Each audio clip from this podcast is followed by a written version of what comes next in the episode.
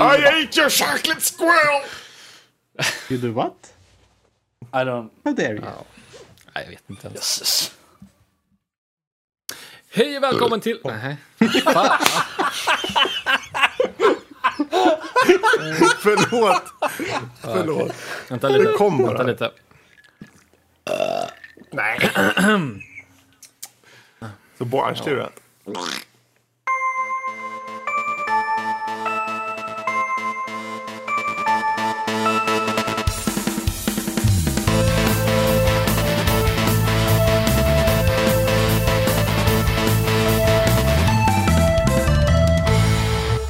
välkommen till Nördliv, en podcast om nörderi av alla dess slag. Dagens datum är 2017 06 10 och detta är avsnitt 123. Jag heter Karl, det är jag som ska vara i värld och med mig så har jag Fredrik, Max och Rob. Välkomna, välkomna. Ja, tack, Thank you, thank you. Då så, då ska vi se. Dagens, eh, dagens avsnitt här. Vi ska prata lite Injustice 2. Fredrik ska eh, bekänna sitt eh, beroende kring Factorium.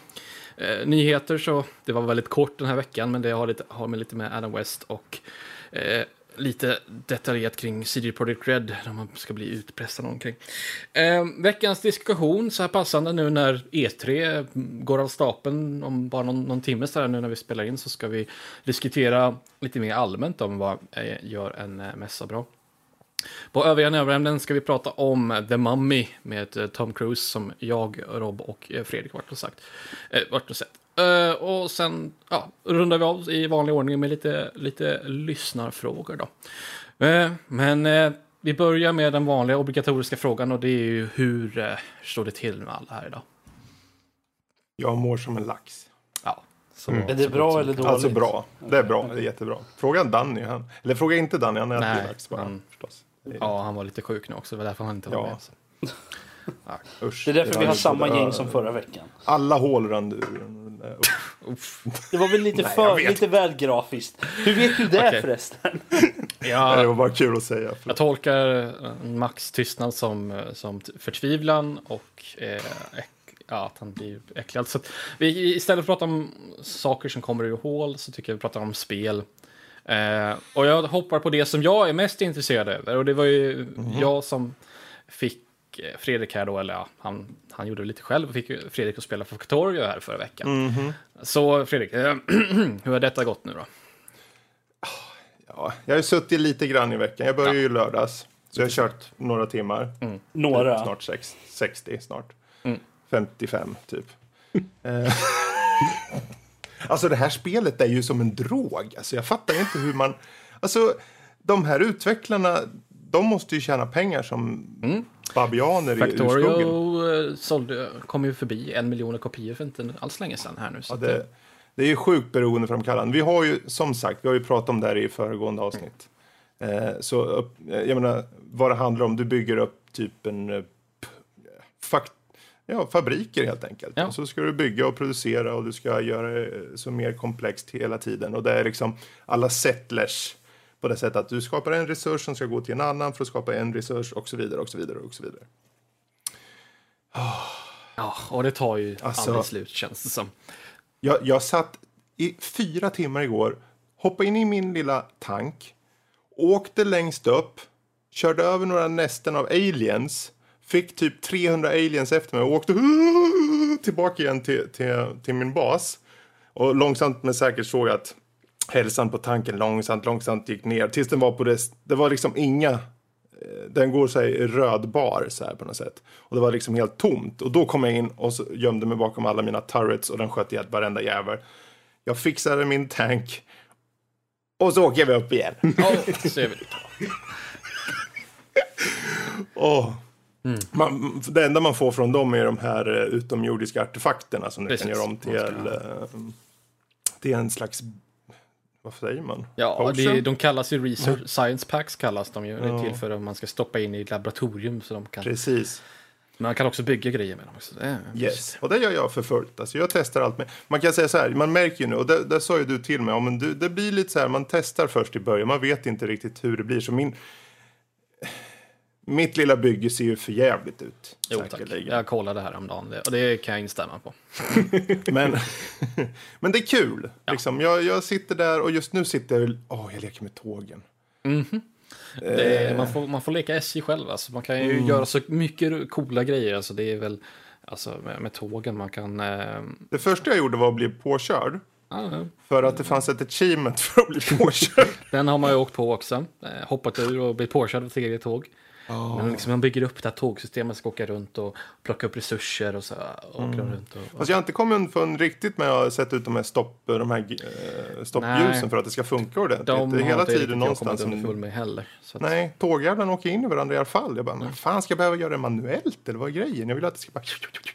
precis. Man vill ju att det ska fungera, men man får ju verkligen kämpa för det. Så eh, Men det är just den där strategiska aspekten av att du ser att okej, på den här platsen så minar vi kol som i sin tur går ut till det här ledet och där står det automatiskt armar som lägger i en, i en låda. Och sen kommer det här tåget och så lastas det alltså automatiskt på och den har en 30 sek- jag testar med 30 sekunders intervaller.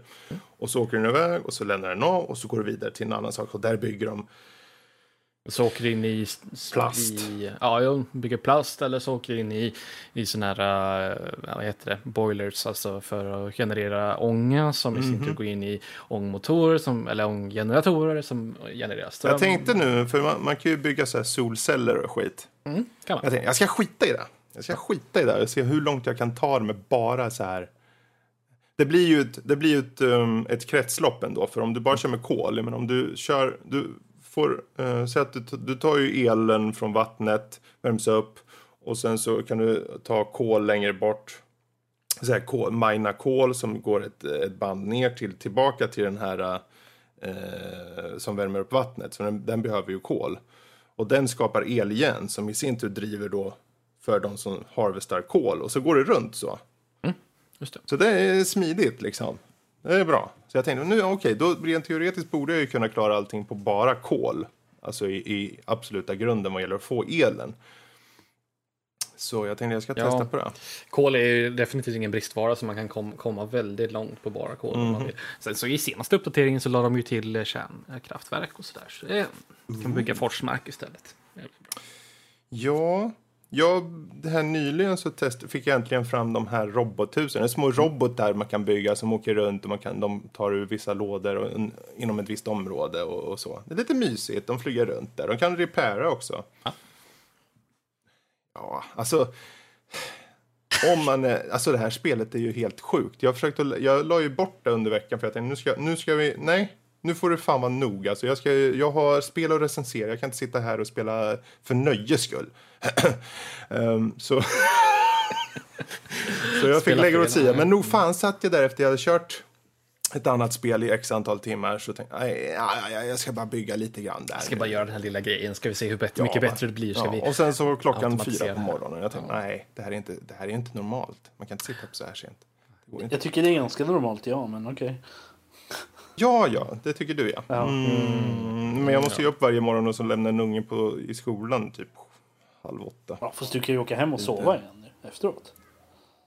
Jag Ja, kan fast, det, men fast då Fredrik, kommer... om du gör så här, om det blir som att du går och lägger dig efter du har varit och lämnat ungen på skolan, då blir det ju, blir det ju bra ändå. För då kan du sova medan de är på skolan. Och så. Ja. Tror du inte han måste nu har- hämta dem också? Ja, det med. Eh, Men annars har jag gjort, jag har tagit en kompromiss här att när jag har lämnat mitt barn så har jag åkt hem och så har jag spelat Factorio istället på morgonen. Man måste ju maximera dagen, för det har jag ju lärt mig i och med Factorio att det gäller att maximera, det gäller att öka Ja, produktiviteten. Alltså om man, är så här, om man är helt galen i så här varje liten, okej jag ska maximera här för att få fram så, det ska vara liksom piffa här lite och det ska vara liksom eh, gräva fram lite resurser hit och dit och samtidigt skjuta ihjäl någon jävla alien om man så vill. Alltså det är ju, det här är mumma alltså. Det är mumma. Och då är det bara early access. Ja. Lyssna mer på förra avsnitt så får ni lite mer där. Så det räcker för mig. Ja, på det här fantastiskt. spelet. Men Fredrik, jag tycker du har inte pratat tillräckligt mycket. Eh, tycker jag då. Så du ska få prata lite till om eh, spel som heter Injustice 2. Ja, eh, ja, där tänker jag att jag ska bara säga lite, lite så här första intryck. Jag har inte kört för lång, eh, tillräckligt mycket än. Och för cirkus två, tre kunna säga- timmar, fyra timmar. Ja, något åt det hållet. Ja. Eh, och jag har börjat med eh, storyläget. Eh, som den faktiskt har en ganska gedigen sådan. Alltså det, det här är en sån här, det kallas Everworld som jag minns, om jag minns rätt. Det vill säga ett scenario där i det här fallet, det är ingen spoiler för det hände i förra spelet egentligen. Superman har ju blivit elak kan man säga, så på grund av att Lois har dött. Så han hade hjälpt Jokern bland annat, vilket i sin tur skapade två olika läger bland hjältarna. Då. Eh, och det är där du kommer in som Batman då för att ta reda på vad, hur, hur får vi faktiskt Batman att komma över till den goda sidan igen? Vad, vad, vad har hänt här? Så det är mycket, det är mycket story, det är bra kött på benen och gillar man DC alltså så är det här det här är någonting för filmen att faktiskt kolla på lite. Men då är det alltså en egenutvecklad story. Det finns ingen, Mm. eh, det finns inget källmaterial direkt så som de har tagit. Jag vet gäller- faktiskt inte Jag jag kan helt hoppa ärlig. in här faktiskt och säga att det Ja, finns... Jag tror det var i samband med första spelet så gjorde de, har de gjort en serietidning, en serie då. Som är just... Det var en stor- companion var det. Ja, en companion. är- Det, det, det, det är en hel drös med serietidningar som, alltså, som är då storyn som leder upp till första spelet. Så att den, och jag har läst... Och den, den är då, den del, de delar upp den i år. Så det är första året, sen andra året, och tredje året. Jag tror det är typ... Kommer inte ihåg hur många år det är meningen att det ska vara, men det ska vara typ fem eller något sådär tror jag. Och jag läste upp till år tre tror jag. Sen så tappade jag bort för jag läste online och jag tappade bort för att jag var någonstans och lite sånt där. Men storyn är väldigt intressant faktiskt. Den är väldigt jag tycker den är väldigt intressant eh, uttänkt och det är mycket karaktärer. De har med en hel drös med, med karaktärer liksom från DC-universumet som dör hit och dit också. Och sånt där. Så att, eh, gillar man DC så tror jag att det är värt att plocka upp. Och, men, ja, Absolut. men spelet, Och det, som sagt. Det är ju jätteintressant faktiskt att de klarar att få in det här, nu, det är som förra veckans eller förra, förra när det var den här med fördomar inom gaming. Att det är många som tänker, ja men fightingspel, de behöver egentligen bara fokusera på, och där kan ju du intyga på Max, de behöver bara fokusera på fightingen. Men nej, det är inte så. Det är väldigt många som har en väldigt tjock och fet story faktiskt som ligger där i Ja, bakgrunden. det var ju det som Mortal Kombat 9 blev så populärt. För det var jättemånga som spelade det här spelet som inte spelade online överhuvudtaget. Och det var väl därför det går så dåligt för Street Fighter 5 också. För de, så, när de släppte spelet så fanns det ju bara online multiplayer för Det är ju alla hardcore fighting som bara, liksom, bara kör online. De hade ingen story mode eller ens arcade mode. Och då, det gick ju väldigt dåligt för dem. Ja, nej men vad, om vi ska säga någonting mer om storyn. Det är egentligen så börjar det med Supergirl kan man säga. Med att eh, hennes planet då samtidigt som, som man, eh, man får följa henne och hur hon skjuts iväg från planeten genom att Brainiac har kommit för att förstöra hela planeten. Och samtidigt så ser man då vid sidan om hennes skepp när hon skjuts ut från planeten såklart så är det ju Kal-El, alltså Superman då liksom. Så, eh, och där börjar det hela. Så hon är ju en centerpiece också eh, i det hela.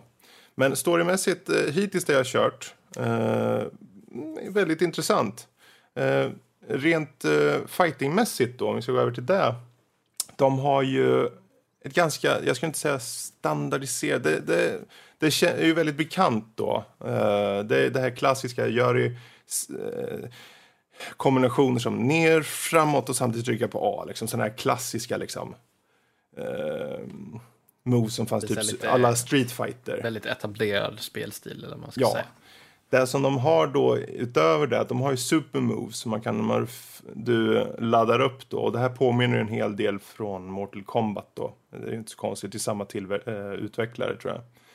Ehm, det blir ju verkligen en over the top eh, scen då när du ehm, som till exempel Batman. Han han, han, när han gör sin supermove då ringer han in uh, sin uh, så här, bat uh, plane eller vad den heter. Som skjuter och tar den här, ba- den här elaken du slåss med eller vem det nu må vara. Upp i himlen, längst upp bland molnen. Och släpper den och sen, och så vänder planet och åker neråt och pepprar skiten ur den där och en raket. Så att den drämmer i backen. Och det är en supermove han har då liksom. Det, det, de tar verkligen utnyttjar scenerna liksom. Dels så har de också den här, jag vet inte vilket spel, är det Tecken eller vilka är det när man kan, du sparkar till någon så att den åker ur scenen så kommer man till en ny scen, en ny plats. Mm, ja, det är sån här, eh, det, en del av tecken gör, eh, gör också det att eh, du, du kan till exempel ha en balkong att sparkar du någon mot räcket så kan liksom, det räcket gå sönder och ramla ner så kommer man till en ny plats som är nedanför den balkongen. Mm. Precis. Då. Så är det här också. Du har flera steg till exempel som du kan slå iväg personen liksom, så att du kommer till en ny liten arena liksom, så fortsätter du att slåss där. Det känns väldigt, känns väldigt nice. Och det, va, det roliga i det här tycker jag att det är så, vad ska man säga, det är så feta jävla smällar hela tiden. Det är verkligen så här, det är inte som att eh, lite så här eh, jabbande utan det är verkligen så här boff, och det bara flyger till och marken rumlar liksom och sådär. Det känns verkligen i varje smäll. Och sen då att man kan ta till också om man vill kan du lyfta upp en bil och slå den i huvudet på Superman liksom om det skulle vara så. Ehm, så det, dels har du miljöerna som är väldigt välgjorda. Du har ett, om än så länge där jag har kört, jag ska ju köra mer, ehm, så känns ju fighting, eh, alltså själva hur, hur den är uppbyggd känns ju ganska bekant och det är ju bra på ett sätt då. Men eh, kanske lite tråkigt att de inte vågat göra något nytt. Men man får se de här supermosen och eh, miljön och så som eh, kanske uspen i det hela. Sen har du ju sjukt många karaktärer också. När du kör eh, sån här singel, alltså när du inte kör story mode. Mm. Det är ju verkligen jättemånga filurer. Mm, men det kommer ju från att eh, systemet är ju inte jätteannorlunda från Injustice 1 så att de hade ju ganska många karaktärer där så att eh, de behövde ju inte designa allting från grunden i alla fall. De behövde uppdatera många bara förhoppningsvis. Precis. 28 stycken spelkarakär, spelbara karaktärer har det. Mm. Ehm, så det finns, det finns gott om det. Och det kommer komma, tror jag, 10 till. Jag tror Ja, det är 10 till. nu i senaste DLCn, kommer jag inte ihåg, vad heter han? Eh, Red Hood, heter han så? Ja, precis. Han Red kom Hood. och sen så två till som jag inte kommer ihåg. Mm. Ja, så det, det, det har en del. Jag, jag tycker initialt har den ju... eh, Det är ganska intressant storymässigt. Mm. Eh, Jag har inte kört någon online än. Alltså, det, det räcker väl att säga så egentligen. Mm, det är jag väldigt gott första intryck låter det som. Måste jag Mm. säga. Det Absolut. verkar som att det finns ganska mycket där att, att gräva fram. Alltså, man är färdig med single storyn och sen kan man köra nöta multiplayer om man skulle vilja det. Då. Det ska bli kul att testa lite olika karaktärer. Jag har kört mestadels som Batman än så länge. Okej. Det är favoriten än så länge. Du har ingen annan som du är sugen på vill lära Det är köra. han man följer i storyn. Ja, det är egentligen det ja, det är enklast egentligen. Det är så. Ja, ja. Jag, jag, så. kan, jag kan hoppa in och meddela för de som är intresserade av just bakgrundscomics till, just Injustice så heter den Injustice Gods Among Us. Mm. Heter de. Eh, och de är uppe i år fem nu vad jag ser i senaste issues. Eller något sånt. Så det är bara att kika på det. Jajamän. Då så, men det rundar av Spel i fokus då och då är det dags för veckans eh, spelnyheter, eller ja, all, nyheter i all allmänhet, nördnyhet kanske man skulle kalla det. Det är Rob som ska hålla i tyglarna där, så jag kastar över bollen till honom. Ja, men tack, tack. Det är jag, det är jag som är Rob. välkommen in, välkommen in i matchen här Rob. Slå dig ner. Eh, denna vecka. Eh, I nyheter heter det bara. Eh, Så, att, eh, eh, så har vi um, CD Projekt Red. De spelutvecklare spelutvecklarna som håller på med Cyberpunk 2077. Deras uppkommande spel. Eller, och eh, de har då fallit offer för en sån här... Eh, jag vet inte om det är en... Det står inte riktigt men det är... De, någon individ eller individ, individer har fått tag på ehm, filer från spelet då. Och håller nu på och eh, då håller de här då ransom eller vad man ska säga. Håller de gisslan, håller filerna Håll, gisslan. de håller filerna gisslan precis. Kom igen närmare, jag skjuter den! Ja, nej, men Bara de, lite fil! det är Kom den inte nära. de, Jag de, klickar på delete. Det är väl det de vill. Men... Ja, Ja. nej, det här är det att de, eh, de håller dem gisslan. Antingen så ehm, eh, ja, gör de som de säger, som de här utpressarna säger, eller så kommer de släppa filerna på internet då. Uh, så alla får se. Um, och de, men de säger dock i, i den här uh, ja, posten de la ut på Twitter i alla fall att de här dokumenten och filerna är då relativt gamla och representerar inte spelet som det är i dagsläget. Um, så att de, men de säger liksom att om, om, de, de kommer inte gå med på um, vad heter det, deras, den här utpressningen. De kommer inte göra något, de kommer inte gå med på vad de vill ha för någonting. Um, och de uh, säger till fans då att om ni vill se vad spelet faktiskt är så vänta tills det kommer istället för att titta på de här um, gamla sakerna för de representerar inte spelet som det är i dagsläget. Um, så ja, vad tycker ni om det här? Det är skitdåligt. Ja, ja jättetråkigt men å andra sidan så är det ju bra av CD Projekt Red att de inte slösar energi och resurser på att mm. göra som utpressarna vill. Då. Så att, tråkigt att det finns Ja, jag tycker, jag tycker det är väldigt tråkigt att, att sådana här saker händer ens. Det är så... Mm. Det, det, känns så onödigt. Jag förstår inte varför. Det är mycket som händer så. Jo, pengar, de tror att de kan pengar, få. Pengar, de är dumma i huvudet. Det är inte mer så. Det var ju perfekt eh, den här uh, sättet de gör. De går direkt public. Mm. På en gång. Via Twitter. Precis. Bara säger som det är. Vi kommer inte betala ut det. Om ni får ut informationen, fine. Då får ni ta det som att då är det gammal information och det gäller inte. Ni får hålla andan eller bara... Ni gör som ni vill men så är det. Ja, för de säger att Skitbra. håll, håll er undan från information som, kommer, som inte kommer direkt från CD Projekt Red. Så mm. Uh, vi får se vad som händer helt enkelt med det här. Uh, kom... de, liksom, de, tog luften ur utpressarna direkt där. Jo, nej, men precis. Mm, jag tycker att det är jättebra sätt att hantera det här på. Att liksom visa upp, upp front, liksom säga nej, vi kommer inte gå med på det här. Och eh, men om ni tittar på de här grejerna, fine, men det, det är inte liksom det vi vill visa er. Så att eh, jag, jag, tycker att det är ett, ett väldigt bra sätt att göra det på. Sen i vissa fall så kanske inte det går att göra riktigt så här heller. Men eh, jag tycker det bara är tråkigt att sånt här fortsätter för att vi hade ju någon, det var ju någon sån här grej för någon någon vecka sedan eller sånt där också, eller om det var en månad sedan. Där det också var en sån här utpressning. Det var, det var en film, va? Var det inte det? Ja, uh, för med det. Det var någon, någon studio som film hade fått uh, uh, som de höll på. Och skulle släppa om de inte fick massa pengar eller något sånt där. Det, jag, tycker, jag tycker det är så jag tycker det är så tråkigt när sånt här händer. För jag tycker inte det, det är representativt av, av vad folk är rent allmänt. Men, ja, Nej, de är ju faktiskt värre, det har du rätt Precis. Vi är ju sådana hemska individer. Oh ja, oh ja. Och med det så går vi vidare till nästa nyhet. perfekt segway alltså. Ja, kom, kom med något riktigt uppmuntrande nu Rob. En riktigt glad nyhet. Ja, ja, jag ska försöka. Alltså det beror ju på vem man frågar. Det finns ju de som... Ja, precis. Nästa nyhet, är, vår sista, andra och sista nyhet är då att Adam West som var den originala tv-Batman. Eh, han är död nu. Han dog i, eh, igår av eh, eh, leukemi. Han var 88 år gammal dock så att eh, det är väl inte, det är väl inte allt för sorgligt om man det är roligt för varje gång det är någon kändis som går, går bort så, så nämner vi ja men han blev bara 50 så det var ju så sorgligt. Ja men den här personen han blev ju 91 så det var väl okej okay att han gick Ja men alltså det, det, handlar ju, det handlar ju lite om att eh, är man, är man så pass gammal liksom som, som Christopher Lee till exempel. Han var ju mm. vad 90 bast eller något sånt där när han ja. dog.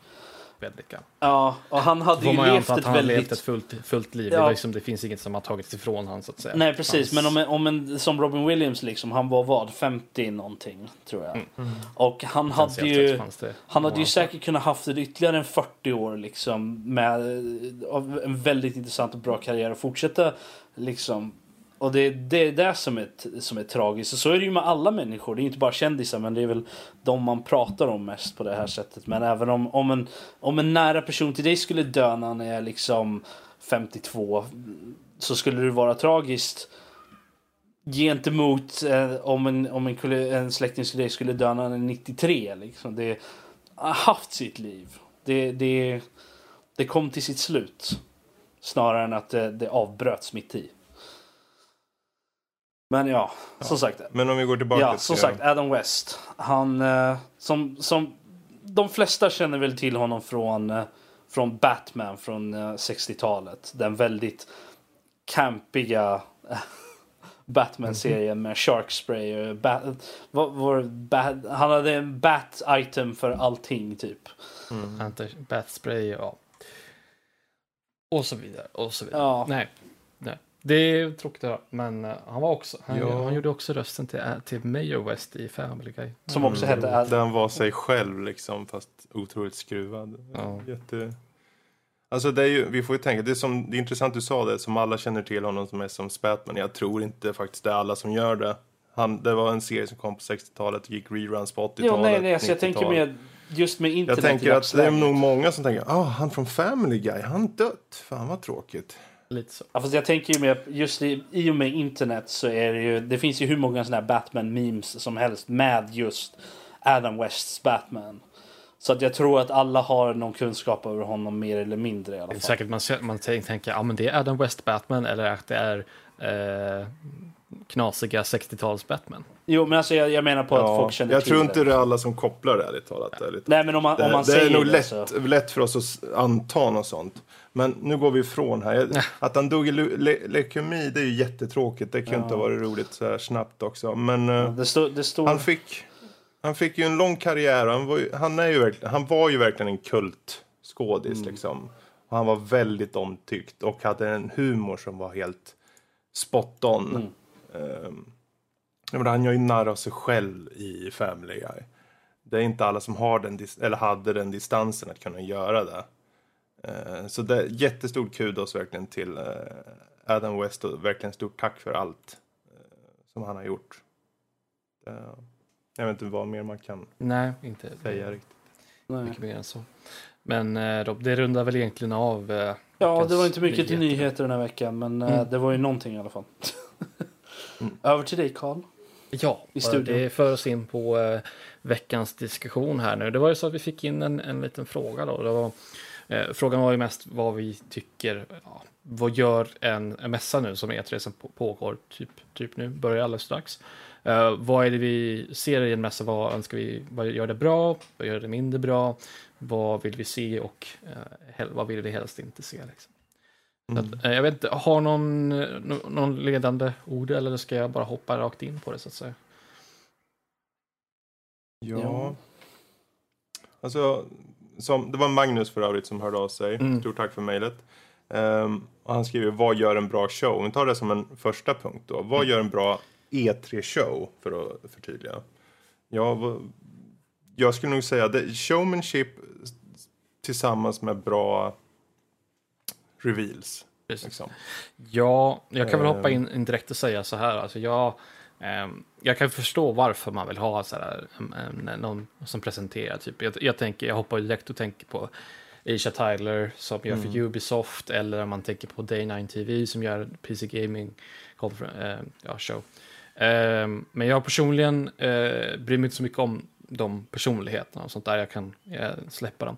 Men det som jag, om man tittar på, på förra året till exempel, tror det som jag såg gjordes bra var ju när de visade, liksom, eh, visade upp eh, rent gameplay. Eh, jag tänker speciellt, fast det var, blev för förra året då, men jag tänkte speciellt när de eh, visade upp Fallout 4.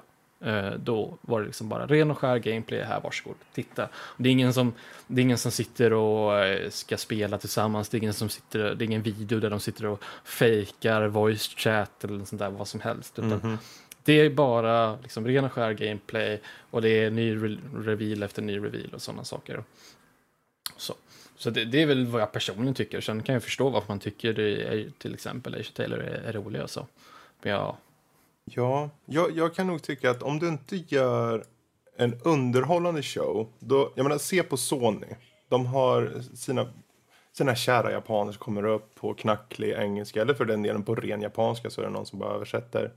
Och det är liksom, det är ingen personlighet, ingenting. Och även om de visar gameplay så tänker man, ja, det är väl kul men de kunde ha gjort något av det. De, liksom, de, står, på, de står inför kamerorna för hundra miljoner plus människor och de gör inget med det.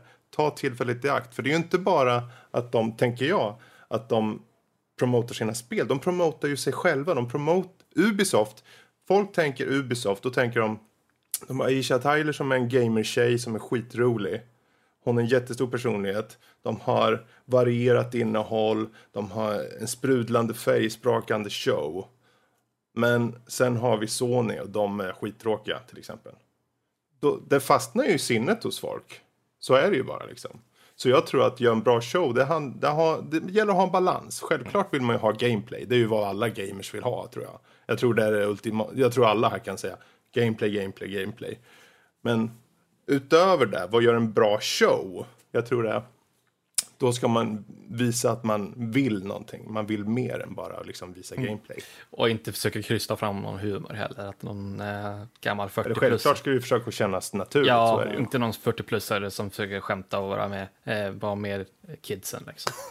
Det Jag, tyck, jag tycker att det handlar väldigt mycket... inte jag. Jag, ty- jag tycker det handlar väldigt mycket om energi också. Mm. Och det är ju där som vi har Aisha Tyler liksom i Ubisoft. Det är det, hon, även om när hon inte presenterar någonting, även om hon pratar med utvecklarna och sådär, så, så eh, tillför hon en viss mängd energi till, till showen och hon drar ut den i, i, i de som pratar också. Och hon är energisk liksom och vill veta och är liksom... Är inte, det, är inte det viktiga där egentligen? För om vi säger så här, om du har Isha Tyler, vi säger, du har en person som är en gamer faktiskt, som hon faktiskt är. Och sen har du en som inte är en, som är en tydlig sån här PR-mupp bara.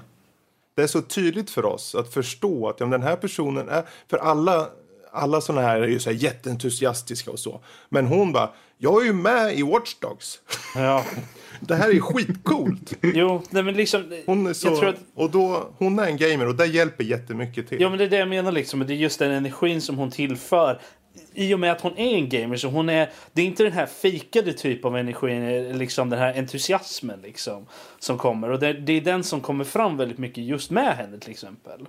Och det, det är ju också, det har ju varit några andra också. Till exempel när, när man har, vad fan heter han från, eh, från Bethesda? Ja, vad fan heter han? Är det Howard? Todd, Todd? Howard. Han är ju också lite så, han, är inte, han har inte riktigt samma energi men han har också det där passionen ändå som märks av. Av att liksom det här är någonting jag brinner för, det här vill jag visa upp för. Jag vill liksom visa de här grejerna för er. Precis. Och det är verkligen, det är någonting som är extremt viktigt. Det, det är, jag vill inte liksom fortsätta klanka ner på Sony här men alltså deras show har verkligen saknat den biten. De, alltså Sony, om man tar bara Sony och Ubisoft som exempel, de siktar ju verkligen på två olika, eh, vad ska man säga, en, två olika typer av känslor eller atmosfär. om Man ska säga. Att Sony, det, det var eh, orkester och det ska vara så himla pampigt och, och fint och eh, rött vin vid sidan om och sådär. Medan har Ubisoft sina var... poänger också förstås. Ja, medan Ubisoft var dansande giraffer liksom. Det är... Alltså, alltså Det är jag, två jag, tycker olika inte att, saker. jag tycker inte att nödvändigtvis det som du säger om Sony behöver vara ehm, behöver, är någonting som behöver ändras eller någonstans. Atmosfär, men de behöver på något sätt dra upp det lite. Som, du, som Fredrik nämnde, liksom, inte ha massa japaner som går in och inte pratar engelska. Liksom. För då, då kan de lika gärna inte vara där, tycker jag i så fall. Eh, om de ska vara, Ja. och, om de ska ha någon som översätter vad de säger liksom, och sånt, då, då tycker jag att då kan de lika gärna inte vara där i så fall. Då kan de bara ha någon inte- som kommer upp och pratar Det är väl lite av en fråga om att safea också, antar jag. För um, det som Ubisoft gör, det, kan, det är ju verkligen hit or miss också. Jo, Eh, definitivt. Som dansande giraffer och allt det här. Men det, det finns grejen att det blir, det blir väldigt... Jag tror att poängen där till viss del, förutom att de förmodligen vill göra en show av det hela, så är att det bildas ju förmodligen två läger där. Och är det någonting som skapas så är det ju diskussion. Ja men vad tyckte du om deras show? Ja men de hade dansande giraffer, vad är hela grejen med det? Och så snackar de, men vad var spelen då? Så bubblar och bubblar och bubblar. Det skapar diskussion.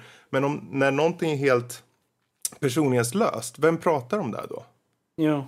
Alltså det, jag, jag känner liksom att de kan visa upp hur mycket gameplay som helst liksom, men jag menar, det är ingenting som... Det, det kan man ju lika gärna gå till Youtube för att kolla. Varför ska jag sitta och titta på E3 för det i så fall? Åh, jag får se... Ja, jag det får är väl lite det som är poängen. jag, jag, får, se, jag får se det kanske en, en 20, typ två minuter innan jag kan se det på Youtube liksom, eller whatever Mm. liksom. Men varför ska jag sitta, varför ska jag gå till, E- varför ska jag åka till E3 och vara med? Varför ska jag sitta och titta på det live klockan fyra på morgonen liksom? Varför ska jag göra det när det inte tillför någonting förutom, det, det är inget extra, det är in, inte det här lilla det är inte minten på kudden liksom. Det är inte det där lilla extra som tillför Mm. som gör att man verkligen vill sitta klockan fyra på morgonen och titta på de här showerna. va.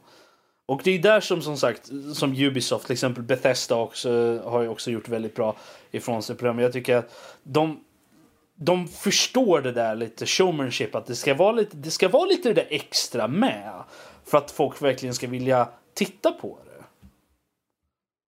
Ja, det är ju... Nu är det bara vi som pratar. Jag vet inte, vad tycker du Karl och, och Max? Vad tycker ni?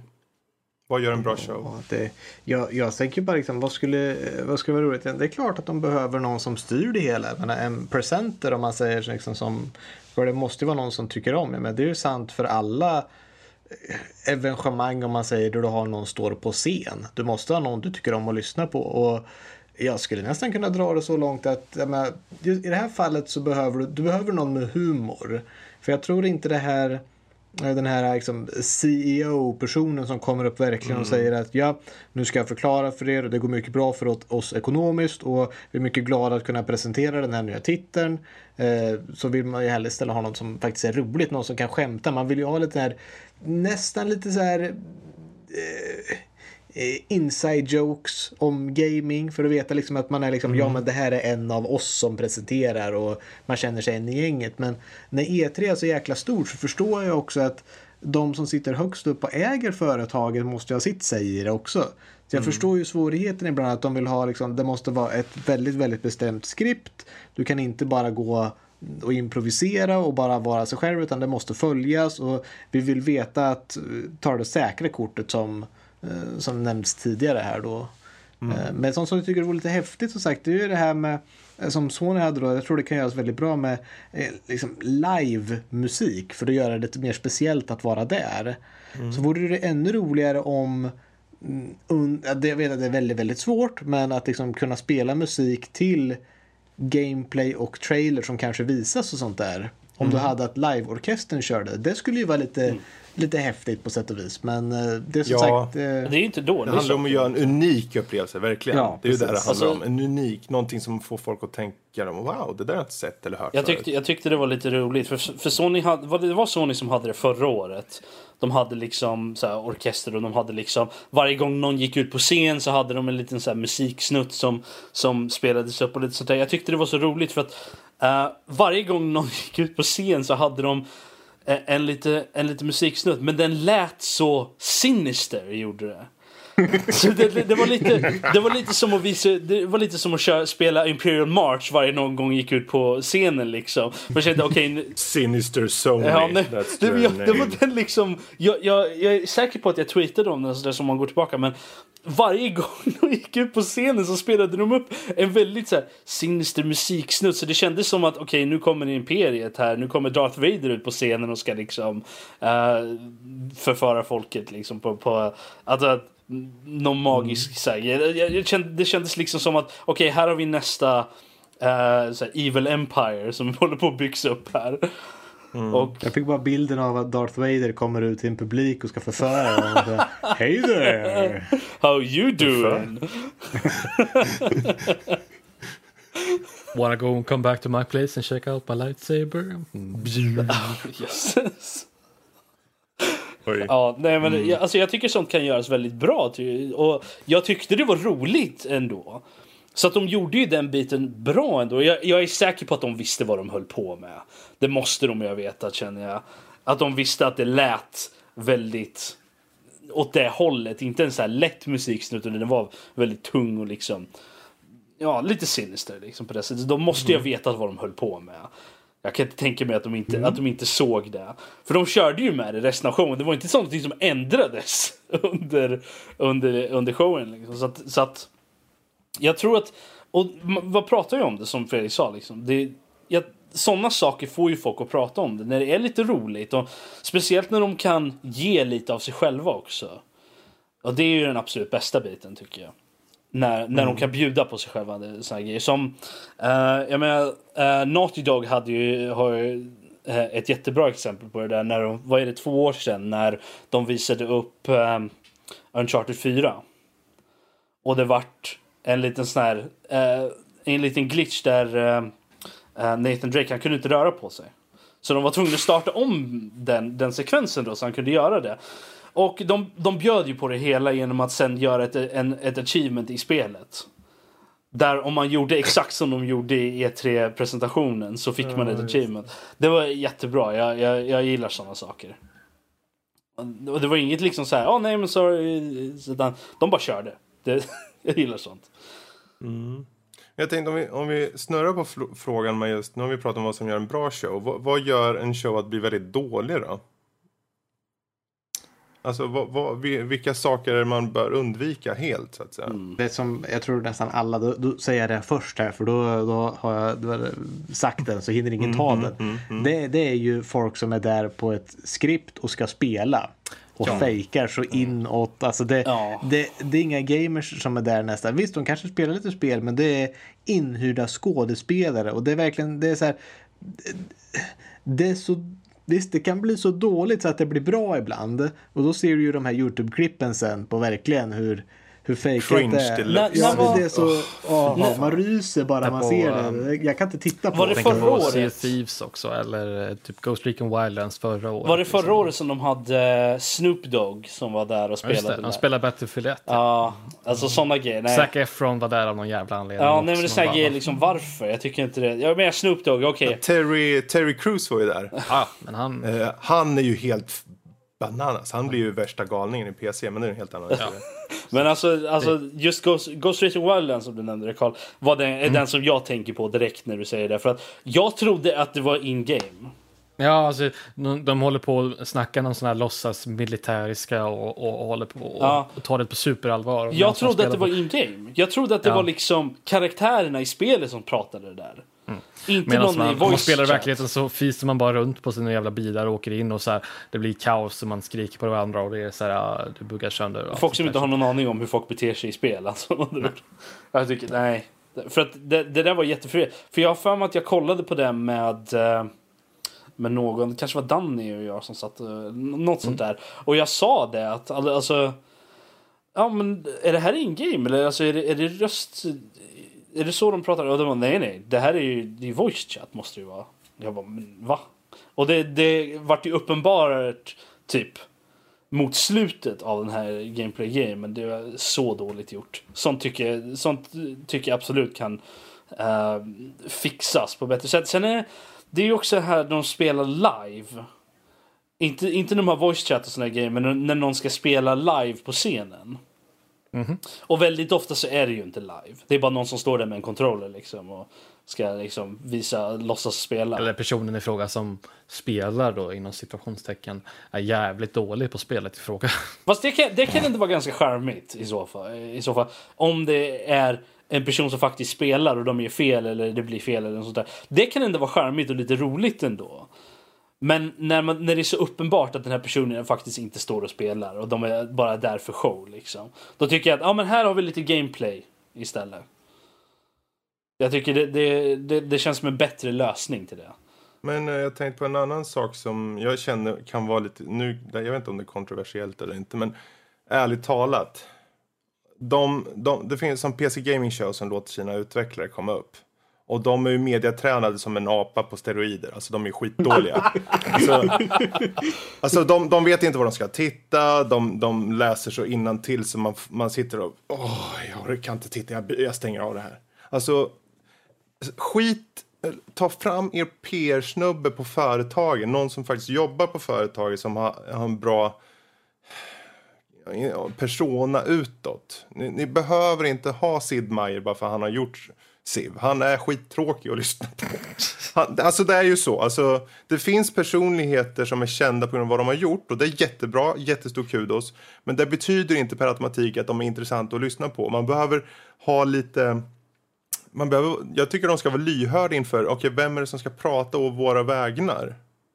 Ta inte upp... Det var någon svensk utvecklare, jag vet inte vem det var sist. Eh, jag undrar om det var för den här Jarny, vad heter den? Mm. Det där svenska Ja, det där spelet. Yarn, med ja precis. Jaha. Ja, ja, ja. heter. Och han gick upp och det var knagglig engelska och han visste inte vad han skulle titta. Han var skitnervös och det är inte konstigt såklart. Men han, var inte, han hade inte tränat, han hade inte gjort något. Det kändes bara awkward. Jag tyckte, jättemy- liksom. jag tyckte jättesynd om honom, gjorde jag faktiskt. Ja, och det är inte den liksom effekten man vill kanske Men det, nå. det var ju, han var ju uppe Ehm. på scen inför massor med människor var han ju. PC Gaming Ja. Show är ju lite mer intimt där, där de sitter på en soffa liksom och lite sådär. Så Mm. där kan jag acceptera att de har eh, att de har kanske någon som inte är Just för jag för mig att de hade med honom igen. Hade de inte det? Jarn, de, de utvecklade Ingen på aning. PC Gaming Show. Jag för mig något Eh. Men poängen bara jag ville få fram där Mm. var att just att försök att tänka över just de ni skickar upp. Eh, vilken scen är det de kommer stå på och är det någonting som de har karisma eller persona nog att ta? För du vill ju representera inte bara vad de visar, för de kommer ju säga förmodligen ja, vi, jag jobbar här och så och det här visar jag och så pekar de mot skärmen. Men under den stunden så kommer ju vi, det är ju vårt första intryck såklart. Ehm, så jag, det, jag tycker de ska våga skippa ha eh, programmerare på scen. ja, alltså våga alltså, bara. jag, jag tycker, och- jag tycker just när det kommer till den stora scenen och sådana grejer. Liksom, just typ Ja men ta någon av de andra stora showerna, Ubisoft eller Microsoft eller Mm. EA, whatever liksom. Deras, då är det ju Då är det ju inför en hel publik liksom, ett helt auditorium fullt med folk. Apropå Ubisoft, vad hette den där, eh, jag tror han var lead designer eller någonting, han som hade For Honor, han som hade käpp, Ja, han, han var ju absolut bäst. Alltså den snubben, alltså, han, hade, han hade sån karisma. Och då var han ändå, och där, där hade de valt helt rätt, Mm. verkligen. Han ska upp på scen, den snubben. Ja. Men som sagt, just, just när det kommer till de stora scenerna, ta upp de som har ordentlig karisma och kan stå på scenen och hålla scenen. Liksom, där, där de håller scenen gisslan verkligen och står där liksom, det här är min. Mm. Sen är det ju självklart så att jag förstår ju om det är en pytteliten studio, de har typ två Säg att No Man's Sky-utvecklarna kommer och det är liksom, ja, han är inte så bra, han lovar det mesta och det heligaste och de hade inte någon annan att slänga upp. Fine. Ja. Men, eh, Men eh, om man har resurserna så tänker jag... jag, ty jag tycker det kan vara värt att kanske inte ha dem komma upp ändå. Och bara ha någon presentera. Okej, och här ser vi No Man's Sky eller något sånt där skit. Liksom. Behöver inte ha utvecklarna uppe heller. Du, vänta med det till typ någonting som just PC Gaming Show då. Där du kan sitta på en soffa och fokusera på intervjuaren som du pratar med. För där kan du ha en lite mer intim sak. Och jag tror inte det är så många människor heller i, i publiken där. Men vad tycker ni förresten om de här, för det är två olika sätt de har. Då har det bombastiska stora show-grejen, eh, alla Ubisoft, Sony, alla de andra. Och sen har ni PC Gaming Show som har den här mer familjära eh, tonen med att sitta i soffan, luta sig tillbaka, prata. Är, det någon för, är det någon av de här, om ni måste välja en, vilken föredrar ni? Så PC Gaming Show, det, det, det som riktigt eh, går back för dem är ju att det är sällan något nytt som de visar upp. Alltså de har ju sällan något riktigt bra eh, S i rockärmen så att säga. Om man tittar på, på Ubisoft, om man tittar på EA så har de ju oftast nya stora grejer att visa upp. Så av, av den anledningen får jag väl välja kanske EA eller Ubisoft eller Microsoft eller så. De, de stora. Låt oss säga om jag måste välja en, kanske Microsoft då kanske. Jag tror att i, I mitt fall så är det ju mer att just de stå E3 liksom för mig är ju de där stora bombastiska grejerna liksom. Och det är liksom åh coolt, nytt, wow wow och sen när det är klart så går jag vidare med mitt liv. Ehm, och då kan jag gå och titta på såna här mindre intervjuer och sånt där med, med utvecklare och sådär som, som kom, tricklar ut i efterhand. Där de pratar och då känner jag att då vill jag hellre se det, för det är det som E3 handlar om snarare än PC Mm. Gaming Show där det är lite mer som en intervju än någonting annat. Ja, det känns som en talkshow mer som eh, Precis. en, en show. Liksom. ja precis. Jaha. Max. Men- ja, Max. Ja, jag. Ja, Max. Vi kan ta, annars, vi kan ta sista frågan som Magnus skickade här, så kan vi avsluta på det. Eh, om ni bara kan se en show utifrån vilka potentiella spel som ska visas upp, vilket är det? Vilken är det?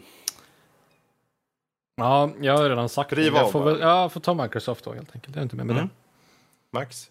Ja, nu, nu vet jag inte riktigt vilka som har eh, showerna. Jag har inte haft jättegod koll på E3 än så, men det, är alltså, jag måste ju eh, som ett eh, Final Fantasy-fan så måste jag ju se vad, vad som händer med Final Fantasy 7-remaken. om det kommer upp någonting överhuvudtaget. Så att jag måste ju Sony säga då? då Sony. Mm. Mm. Mm. Det är så svårt. Antingen EA för Star Wars eller Ubisoft för... Ja, det blir nog Ubisoft. Ja. Mm.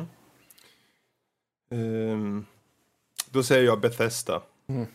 Wolfenstein. Ja, Jag tänkte Befästa undrar om de kommer med Är det Wolfenstein? Det kanske inte är. Jo då. Det är det. det är Jo, det är de. Det är de, eller hur? Jag tänkte mer på, på om det kommer ett Elder Scrolls eh, 6. Där har de sagt att det inte ska. Det ska inte det, men det är de det kan de säger kan ju bara trollat. att det ska bli en De kan överraskning. Ja, jo. Kanske. Men bra. Eh, vi får väl helt enkelt följa upp på det här nästa vecka då vi ska faktiskt prata om vad som Det- togs upp och hände på E faktiskt E3. hände på riktigt här. Så att, ja. Då så, det rundar jag av veckans diskussion här och hoppar vi på lite film då i så fall. Och jag, eh, Rob och Fredrik har varit och sett eh, den senaste eh, inkarnationen av eh, The Mummy då, med, med Tom Cruise. Så att igen där, har, har vi några ledande ord så att säga, eller eh, var, ska man börja med premissen kanske? Jag, jag kan Var- säga så här att eh, du får det låta som vi var, såg det tillsammans. Ja, ja. Men nej, var, Fredrik såg den för sig och jag, jag och Karl Ja, gick och ja, såg väldigt den. viktigt. Det skulle ju vara hemskt om Fredrik var och Ja, såg nej men den alltså jag menar på att vi, vi gick och såg den tillsammans. Karl satt och höll handen och hade det mysigt liksom. Så att, eh, Ja, vad, vad, om du får dig att sova bättre om natten så, så kan du tro det. Okej. Ja. Vart vill du komma med den här informationen? ja, nej, jag tänkte bara vad Vad- viktigt att ta upp. Ja, så så. Okej.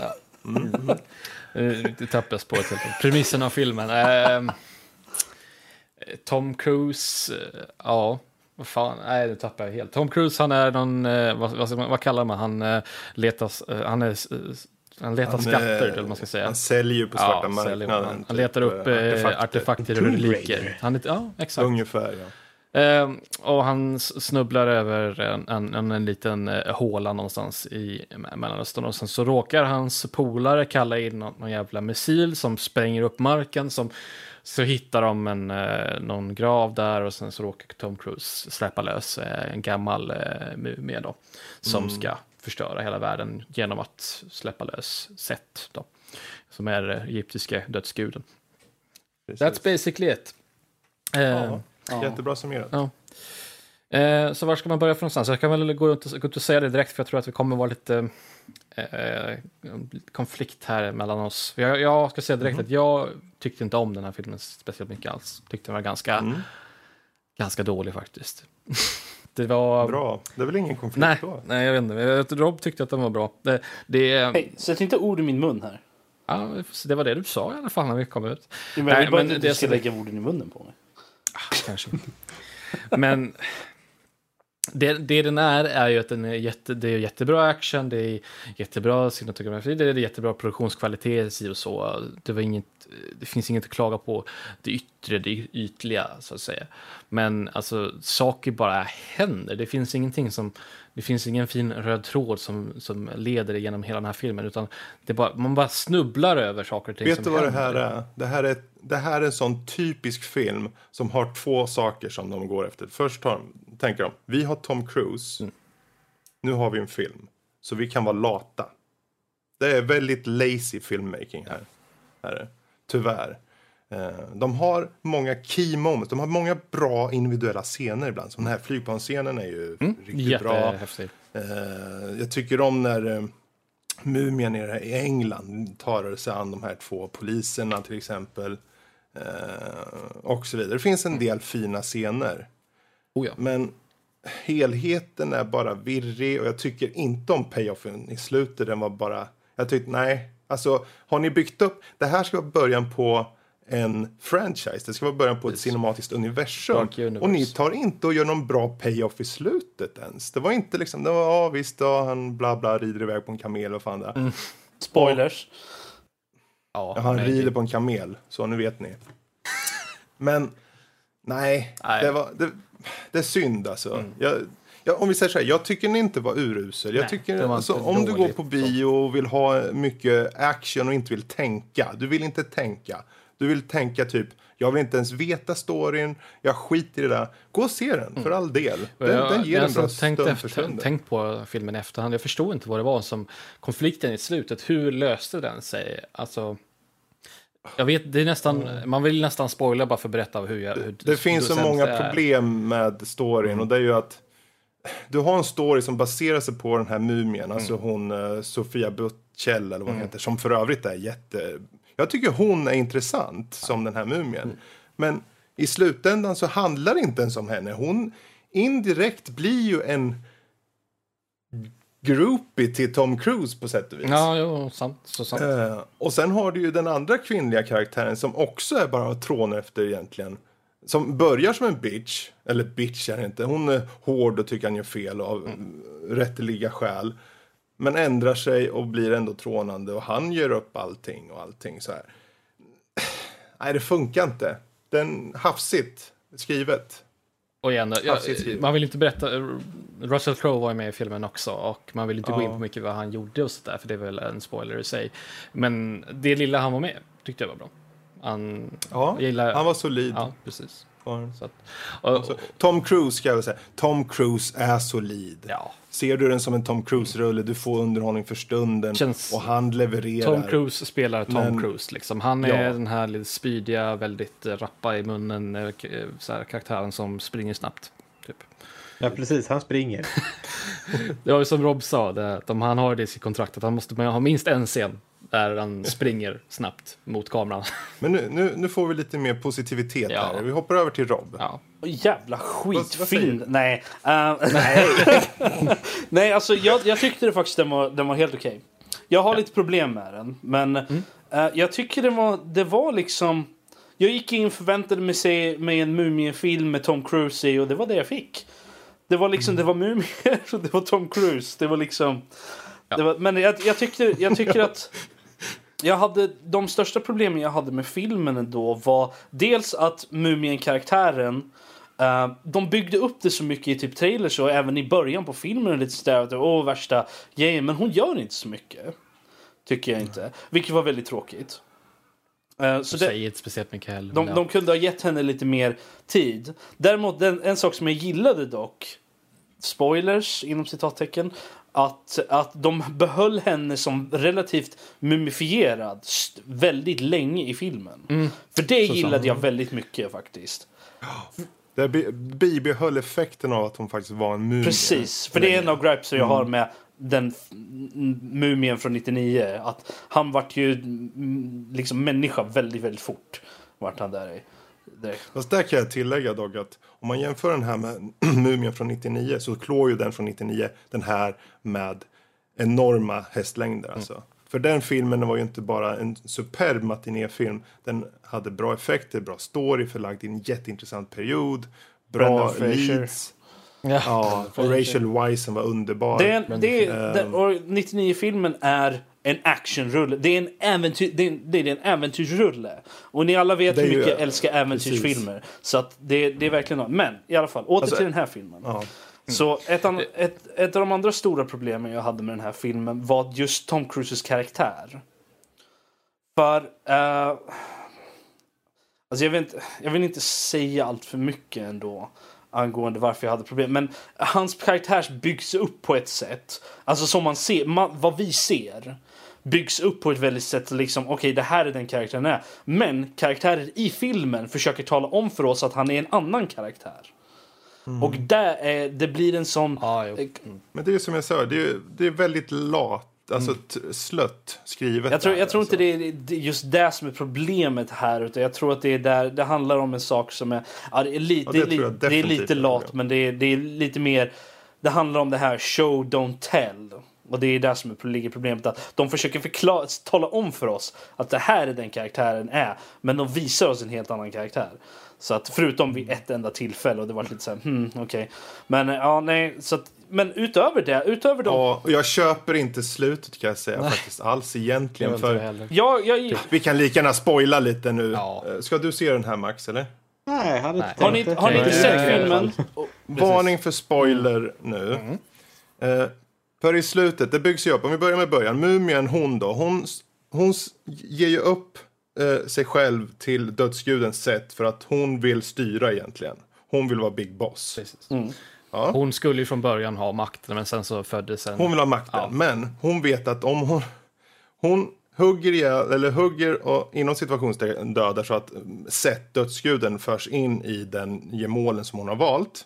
Så blir den personen dödsguden. Mm. Vilket är den ultimata kraften. Vilket betyder att hon inte är boss. Så hon, bara att hon är så här mm, s- motsägelsefull, det är en sak.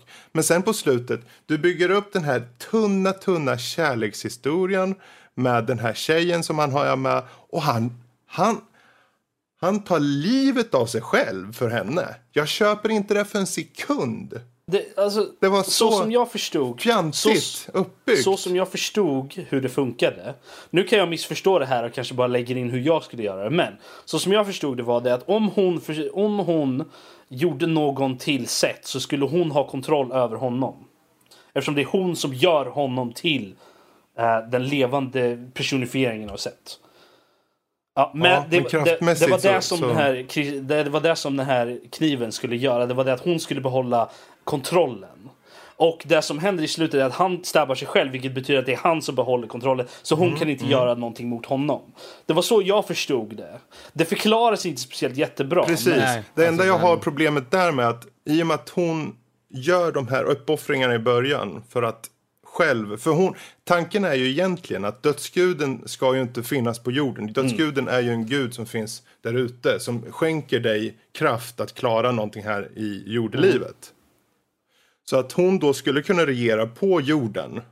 Och han skulle inte finnas här, han skulle vara en gud, han skulle vara omnis, omnipotent eller vad det heter, liksom, som finns bara där ute i svävandes, förstår ni? Allsmäktig. allsmäktig. Omnipotent. Men att han skulle inte ha han skulle inte ha den eh, påverkan liksom, utan att hon skulle. Men utifrån som det verkade på slutet, innan han ens gjorde det där beslutet, så skulle han ändå ha bestämmande över henne. Alltså, här, Liksom. det- det- Vilket är Det jättemärkligt, här du för det säger, säger emot. stämmer ju alltså absolut eh, Fredrik. Men det som jag stör mig mest är att om man tittar jämför med var karaktärerna befinner sig i början av filmen jämfört med var de befinner sig i slutet av filmen så har vi bara gått i en enda stor cirkel. Det har varit massa konflikter, det har hänt massa grejer. Men om man tittar på det i stora hela så är, eh, Tom Cruise och hans kompis de är fortfarande så här banditer som åker, rider runt och snor grejer. Eh, Mumien, hon, Ja. hon är Mumie igen och den där tjejen Halsley, hon är förmodligen fortfarande alltså, och studera och grejer. Så vi, vi har inte kommit någon vart. Det har inte Nej. hänt någonting. Vi, Varför kom inte hon med? Om man upp, och, alltså, det finns massor med frågor man får. Liksom, så här, Okej, han, han tog ändå det beslutet att göra som han gjorde där på slutet. Eh, för hennes skull i princip. Mm. Men hon lämnas kvar och det är precis som det var förut egentligen. Och ändå är han dödsgud. Alltså, så, om vi ändå Ehm. håller på att spoila grejer. så kan jag förklara vad jag inte tycker om med just hans karaktär. Tom Cruises karaktär är det. Han, uppenbarligen så är han en självisk tjuvande, tjuvande karaktär. Som bryr sig mer om sig själv och att bygga upp liksom värdefulla saker, sälja grejer och sånt där. Det, det är så han introduceras i filmen. Att han är en grave robber och han bryr sig om sig själv, bara om sig själv. Liksom såna, det är så han introduceras. Ingenting i filmen ändrar det faktumet. Någonsin. Han är fortfarande självisk, bryr sig bara om sitt eget välbefinnande och så. Men av någon anledning så bryr han sig om hennes. Han blir liksom någon form av besatthet med henne. Om att hon är hans salvation eller något sånt där. Från det liv som han har lett innan. Men det är ju fortfarande bara om honom det handlar om. Och att hon säger till honom att oh, men du är ju god innerst inne. Det enda stället man får se honom vara en själv, en selfless person är när han ger henne fallskärmen i flygplanet.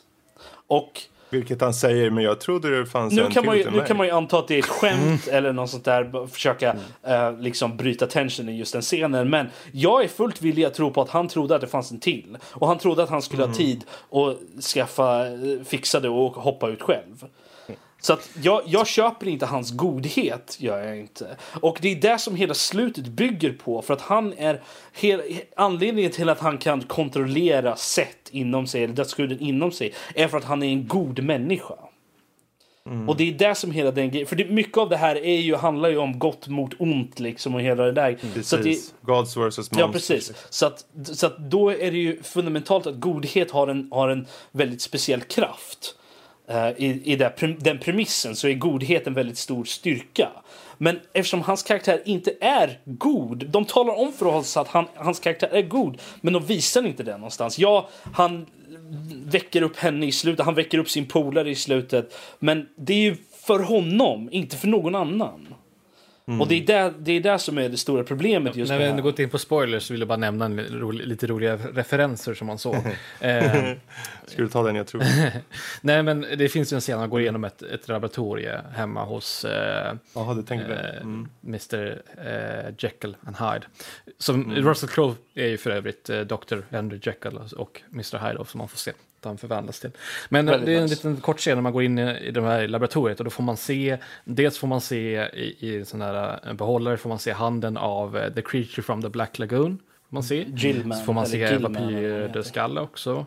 Ja. Och vad, vad är det mer? Det var en sak till va? Eh, Man får se. Det är de sakerna man får se där, det är säkert en hel drös med andra referenser till Mm. andra grejer. Men när de slåss, när de håller... När hon, Yes. Ja, jag vet. Det, det, det var den som gör egen. Karl missade det totalt. Ja, jag missade det, Det, helt och hållet. no, och hon tjejen håller på att slå... Jag kom, vad heter hon?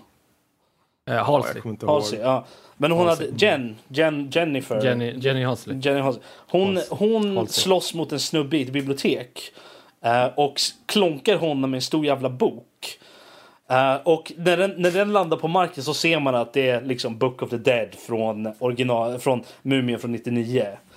Och det är så roligt, för jag, jag, jag såg det direkt och tänkte ja, det där var intressant. Vad jag har läst efteråt, att det, han som regisserade filmen har sagt att de filmerna är canon. Mm. Och det kan man ju ta lite som, som, som man vill i så fall. Men jag tycker att det är väldigt Jag tyckte det var väldigt roligt i alla fall. Ja, det skulle ju, han har ju skrivit dem också om inte jag minns helt fel. fel. Ja. Han var med i alla fall i den processen. Och de utspelar sig ju på 30, 40, 50 Ja, så de kan mycket väl vara liksom... Så, Ja, men det, ja, det var en kul liten hommage oavsett om de liksom, Alltså, om det är kanon om, man- om man säger så här, jag gillade filmen. Jag tyckte att den var en, en actionrulle, en äventyrsrulle liksom. Den, den var... Det var trevlig. Det är vissa saker som jag störde mig på som hans karaktärisering och lite sådana grejer som inte riktigt makes sense. De försöker uppenbarligen men det funkar inte riktigt. Men samtidigt så tycker jag att jag är intresserad av att se vad som händer härnäst. Eftersom det kommer, de, de vill ju sätta upp det här som en, en cinematic universe av sina, eh, i det här dark universe. Då. Och jag, blev, jag blev däremot, jag blev tvärtom lite så här, ah, det här, det här borde ju inte gott om de inte gör så här bra på första filmen och då har de Tom Cruise Men om med. de inte bankar på Tom Ehm. Cruise i nästa film så Nej, de kommer ju banka på Johnny Depp och vad heter han, den där Javier Bardem och eh, vem var det mer? Johnny Depp är ju Invisible Man, Jav- Javier Bardem är ju Frankenstein Ja, ja, det. och nu har vi Tom Cruise som den här guden. men sen har vi också Dr Jekyll och Mr Hyde. ehm, Som också är en, en stor karaktär i den här. Så att, eh, jag tror att, jag tror att de, om de gör det rätt, om de tar den feedback de får från den här filmen och gör nästa rätt, så tror jag att de kan göra det ordentligt bra faktiskt. Ja, jag tror att Jekyll and Hyde, alltså, eller eh, Jekyll, Henry Jekyll, han kommer vara typ um, hubbkaraktär känns det som för många av Lite filmerna. av i en eh, konstig liknelse, men eh, lite av en, ja, vad heter han? Eh, I Avengers. Eh, Fury, Nick ja, Fury, Nick Fury. eller? Ja, precis. Mm. Som knyter ihop det hela lite grann. Ja, ungefär. Vem vet, vi får se. Men ja, jag kan väl säga också att jag tycker att eh, det helt okej eh, film om man vill ha underhållning. Bara lämna hjärnan vid dörren. Det är Ungefär så. Tänk inte för hårt om det. Det är, en pop, Så- det är definitivt en popcornrulle. Så att, eh, Mm. eh, jag tror att är det där man är ute efter så, så är det definitivt värt att se. Men eh, där tycker jag faktiskt att det nöjer oss kring övriga nördämnen där. Det var en ganska bra diskussion kring, kring filmen. Så att, eh, får man, om man har lyssnat på spoilers får man väl ta beslutet själv om man vill se den eller inte. Ja, Ja. Max, du kan väl lägga in en ordentlig spoilervarning för... ja för eh, hoppa hit. Vi, vi gör det i texten sen. ja. jag vet. Folk kan läsa. Yes, men då så. Men då så. Eh, Fredrik, lyssna mail. Mm. Varsågod. Yes.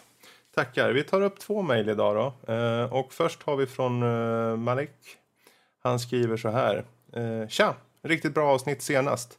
Er diskussion var bra och kul att höra er reaktion på Wonder Woman. Jag var faktiskt på väg att skita i den.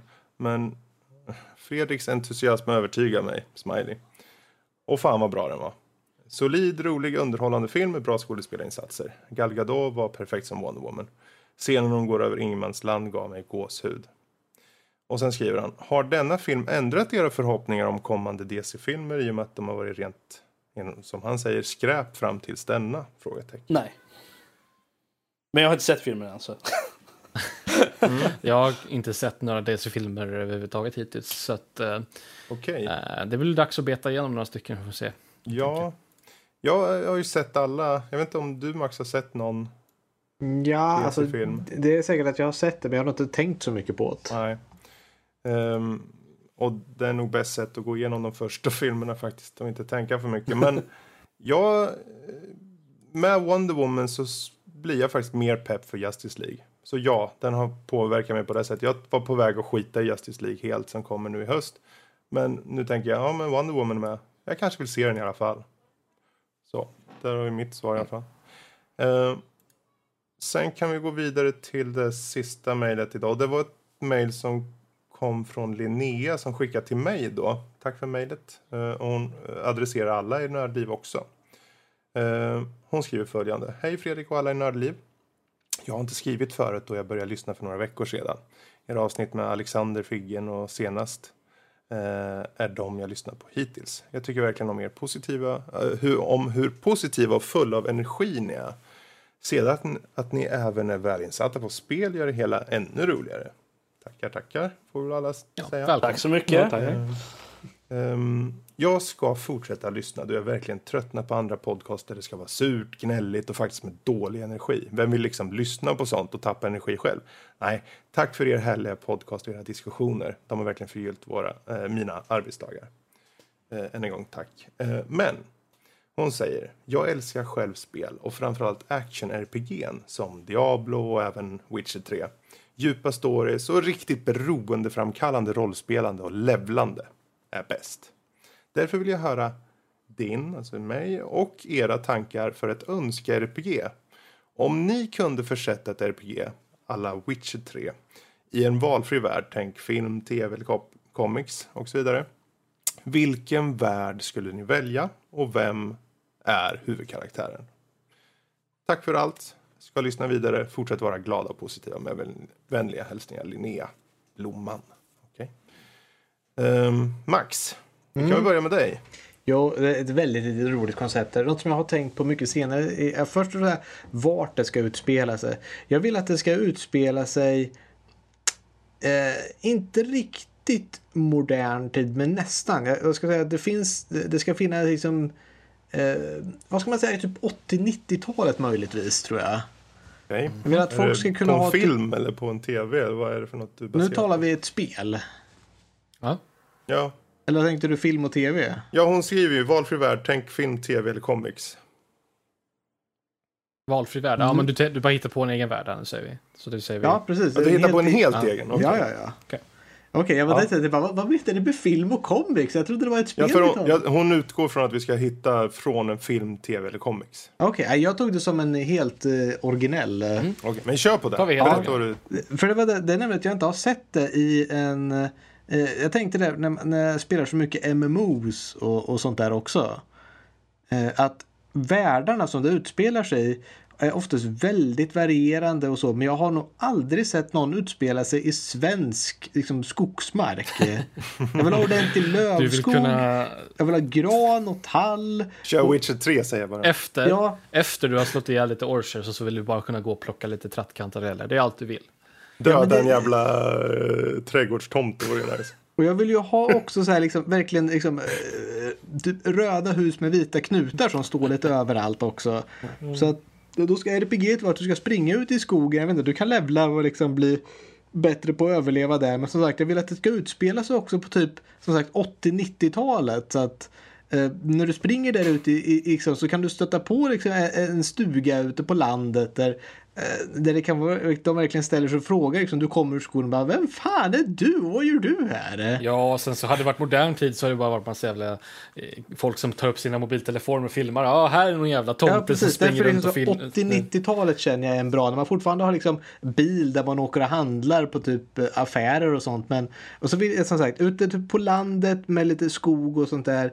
Och, och så kan man liksom, då kan du gå in och så kan du bli bjuden på fika där ute. Och, Det känns och ju få bra, lite liksom men- intel och Det information. mest, undrar jag- det mest gemytliga RPG som någon någonsin har sett. Le levlar Ja, man det- upp det sina fika abilities då eller sina fika Det skills? bästa här är att Fika-paus i det, det, finns, det finns ingen slags central eh, konflikt heller, utan det är bara, du ska bara springa runt där i svenska Men alltså, landsbygden. du måste, och, eh, det måste vara någon, eh, någon form av eh, konflikt av något slag. Jag, jag har så jävla mycket skumma tankar ibland. Jag tänker liksom att jag, antingen så är du ute och jagar någonting. Eller så, är det, så kunde man ta något sånt där som att du... Eh, den klassiska typ, inte, inte varull på sätt och vis, men under, liksom, under dagen så är du dig själv som försöker liksom göra det. Men på kvällen så blir du ett monster och där får du aldrig veta vad som händer. Så att du vaknar alltid varje dag på en okänd plats om man säger. Och du får reda på, okej vad har hänt nu? Dödade jag de där som jag var och fika hos eh, tidigare liksom? Eh, eh, och så lite, skulle kunna vara en intressant historia där. Så Du går lite, dit och besöker så ligger en död gubbe med en bulle uppkörd i näsan. Ja, ja, ja.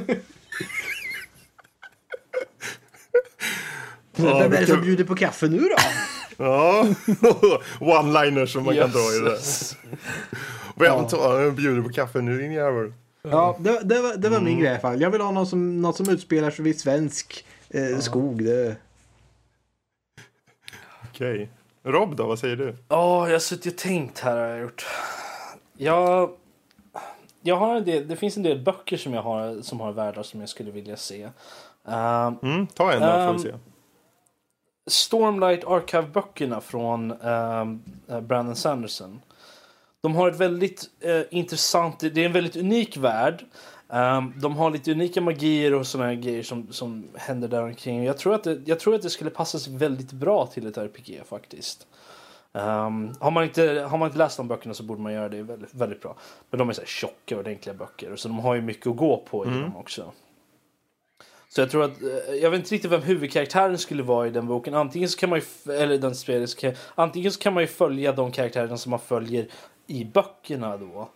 Eller ha någon sån här side story som de har i, i uh, uh, Sagan Lord of the Rings-spelen nu för tiden. Där det inte, där det inte handlar om... Vad, vad heter det spelet som, eh, som utspelar sig parallellt med, med böckerna eller filmerna i uh, Sagan om ringen?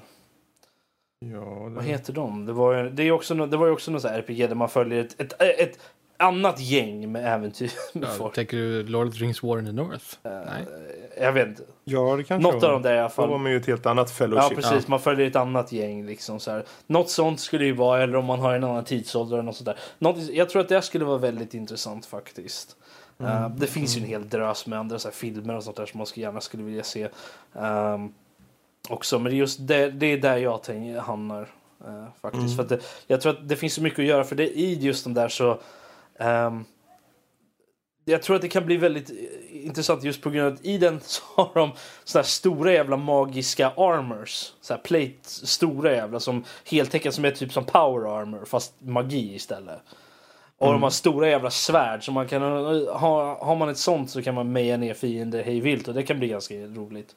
Eh, om man gillar just den typen av mer um, hack and slash RPG-aktigt liksom. Där det inte, uh, som det är lite mer modernt nu för tiden, där man inte behöver ha någon form av ehm, uh, combat-grej eh, som tidiga Bioware-spelen till exempel. Där den var mer, lite mer mattebaserad på det sättet. Där man levlar upp skills. Så att, ja, det, det kan man, sen har de ju också magi där de kan, man kan flyga och lite sådana grejer. Så det, jag, tror att, ehm, jag tror att det finns mycket där att dra på som, som kan vara väldigt intressant. eh, och, och göra ett spel väldigt bra också. Ja. Vad säger du då, Kalle? Kan tänka mig att många kan tycka det var lite uppenbart, men eh, jag kan ta det uppenbara och säga eh, Witcher 3 eh, gameplay fast i eh, världen av A Song of Ice and Fire eller då just Game det. of Thrones. Eh, Det är ju... Oh. Alltså, jag kan ju tycka att... Det, det, Nej jag skojar bara. ja, alltså, jag tycker bara... Vänta tills du hör min. Bara, jag tycker det bara går bra ihop liksom. Det är så här, eh, miljöerna finns redan där, det är typ, typ samma typ av tidsålder skulle man kunna säga. Så att det, det skulle bara gå bra ihop liksom. Det skulle vara, du har redan allt gameplay, du bara skapa en värld med massa uppdrag och quests och allt sånt där. Kasta in. Så, Det är ju en sån rik värld att ta ifrån. så att, jag tror det skulle gå Verkligen. jättebra ihop. Ja. Fredrik? Det var den. Ja, eh, jag har faktiskt eh, en film, en comic och en bok. Jag är inte förvånad. Film, filmuniversum, Blade Runner. Tänk er eh, RPG med den här Blade Runner-känslan. Du verkligen får utforska hela området och använda, som de gjorde i både i det gamla Blade Runner-spelet men i filmen också, de här apparaterna. Du kan söka igenom lägenheten och kolla eh, bilder och undersöka saker och ting. Det är ett jättebra upplägg och en väldigt intressant värld för ett stort RPG. Eh, sen självklart, för någon gång måste jag ju ta upp Hellboy. så, så ett RPG med Hellboy, för dels så är han ju i jättemånga olika platser runt om i hela världen och utforskar folksagor av olika slag. Så det finns jättemycket olika monster och det finns jättemycket story och det finns framförallt väldigt mycket action. För är det något han gör är att slå skiten ur varenda jävel han ser. Så där skulle jag kunna tänka mig. Och sen slutligen en bokserie som faktiskt har kommit som spel på slutet av 90-talet. Wheel of Time. Oh, ja. Eh, Du har i böckerna har du ju sex egentligen eh, karaktärer som du kan följa. Tre män, tre kvinnor. Och jag tänker som ett RPG, välj en av de här eh, och följa. Och du kan ha lite origins, Dragon Age Origins. Du kan välja en av dem och följa deras väg. Eller som du sa eh, Rob, att kanske en, en person som har lite krafter i samma värld. Eh, som man kan följa medan det här andra Kan händer. kanske vara just, jag har ju läst Wheel of Time också. eh, eller lyssnat på. Och det skulle ju kanske vara intressant att ha det i en annan tidsålder också. Ehm, typ tidigare, eh, den age som var innan. Men jag vill ju träffa Perrin. Eh, ja, men om, om, om Han verkar Om så man- snäll. han, är, han är bra. Ja. Och rå. Okej. Ja. Men eh, det, det är i alla fall de tre. Det är lite blandat sådär. Men eh, Blade Runner för den här estetiken och coola platsen i framtiden och väldigt eh, så här mysigt. Och sen Hellboy, of course. Why not? Och Wheel of Time var det Jag kommer jag, jag kom att tänka där- Mm. på en annan som var ganska, som hade, i mitt huvud så lät det väldigt intressant i alla fall. Och det har typ en RPG i Marvel-universumet. Um, Mm. Där man inte spelar som någon av de existerande karaktärerna.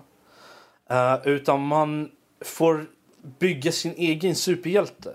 I stort sett. Mm. Så du får lite olika val du kan göra med typ superkrafter och lite sånt där. Och eh, kanske, du kanske vill vara mer eh, science-baserad alla Iron Man eller eh, någon, av dem, någon åt det hållet liksom. Där du inte själv har någon superkraft på det sättet. Förutom ditt intellekt. Eh, eller så kanske du vill ha superkrafter som är... Men just på grund av att det är Marvel så är de ju inte så överdrivna som de är i, i DC där du har litterära gudar som dyker upp liksom. Um, medans, ja, Thor, men du vet vad jag menar liksom. Mm, jag så här, för det spelet finns ju redan så att...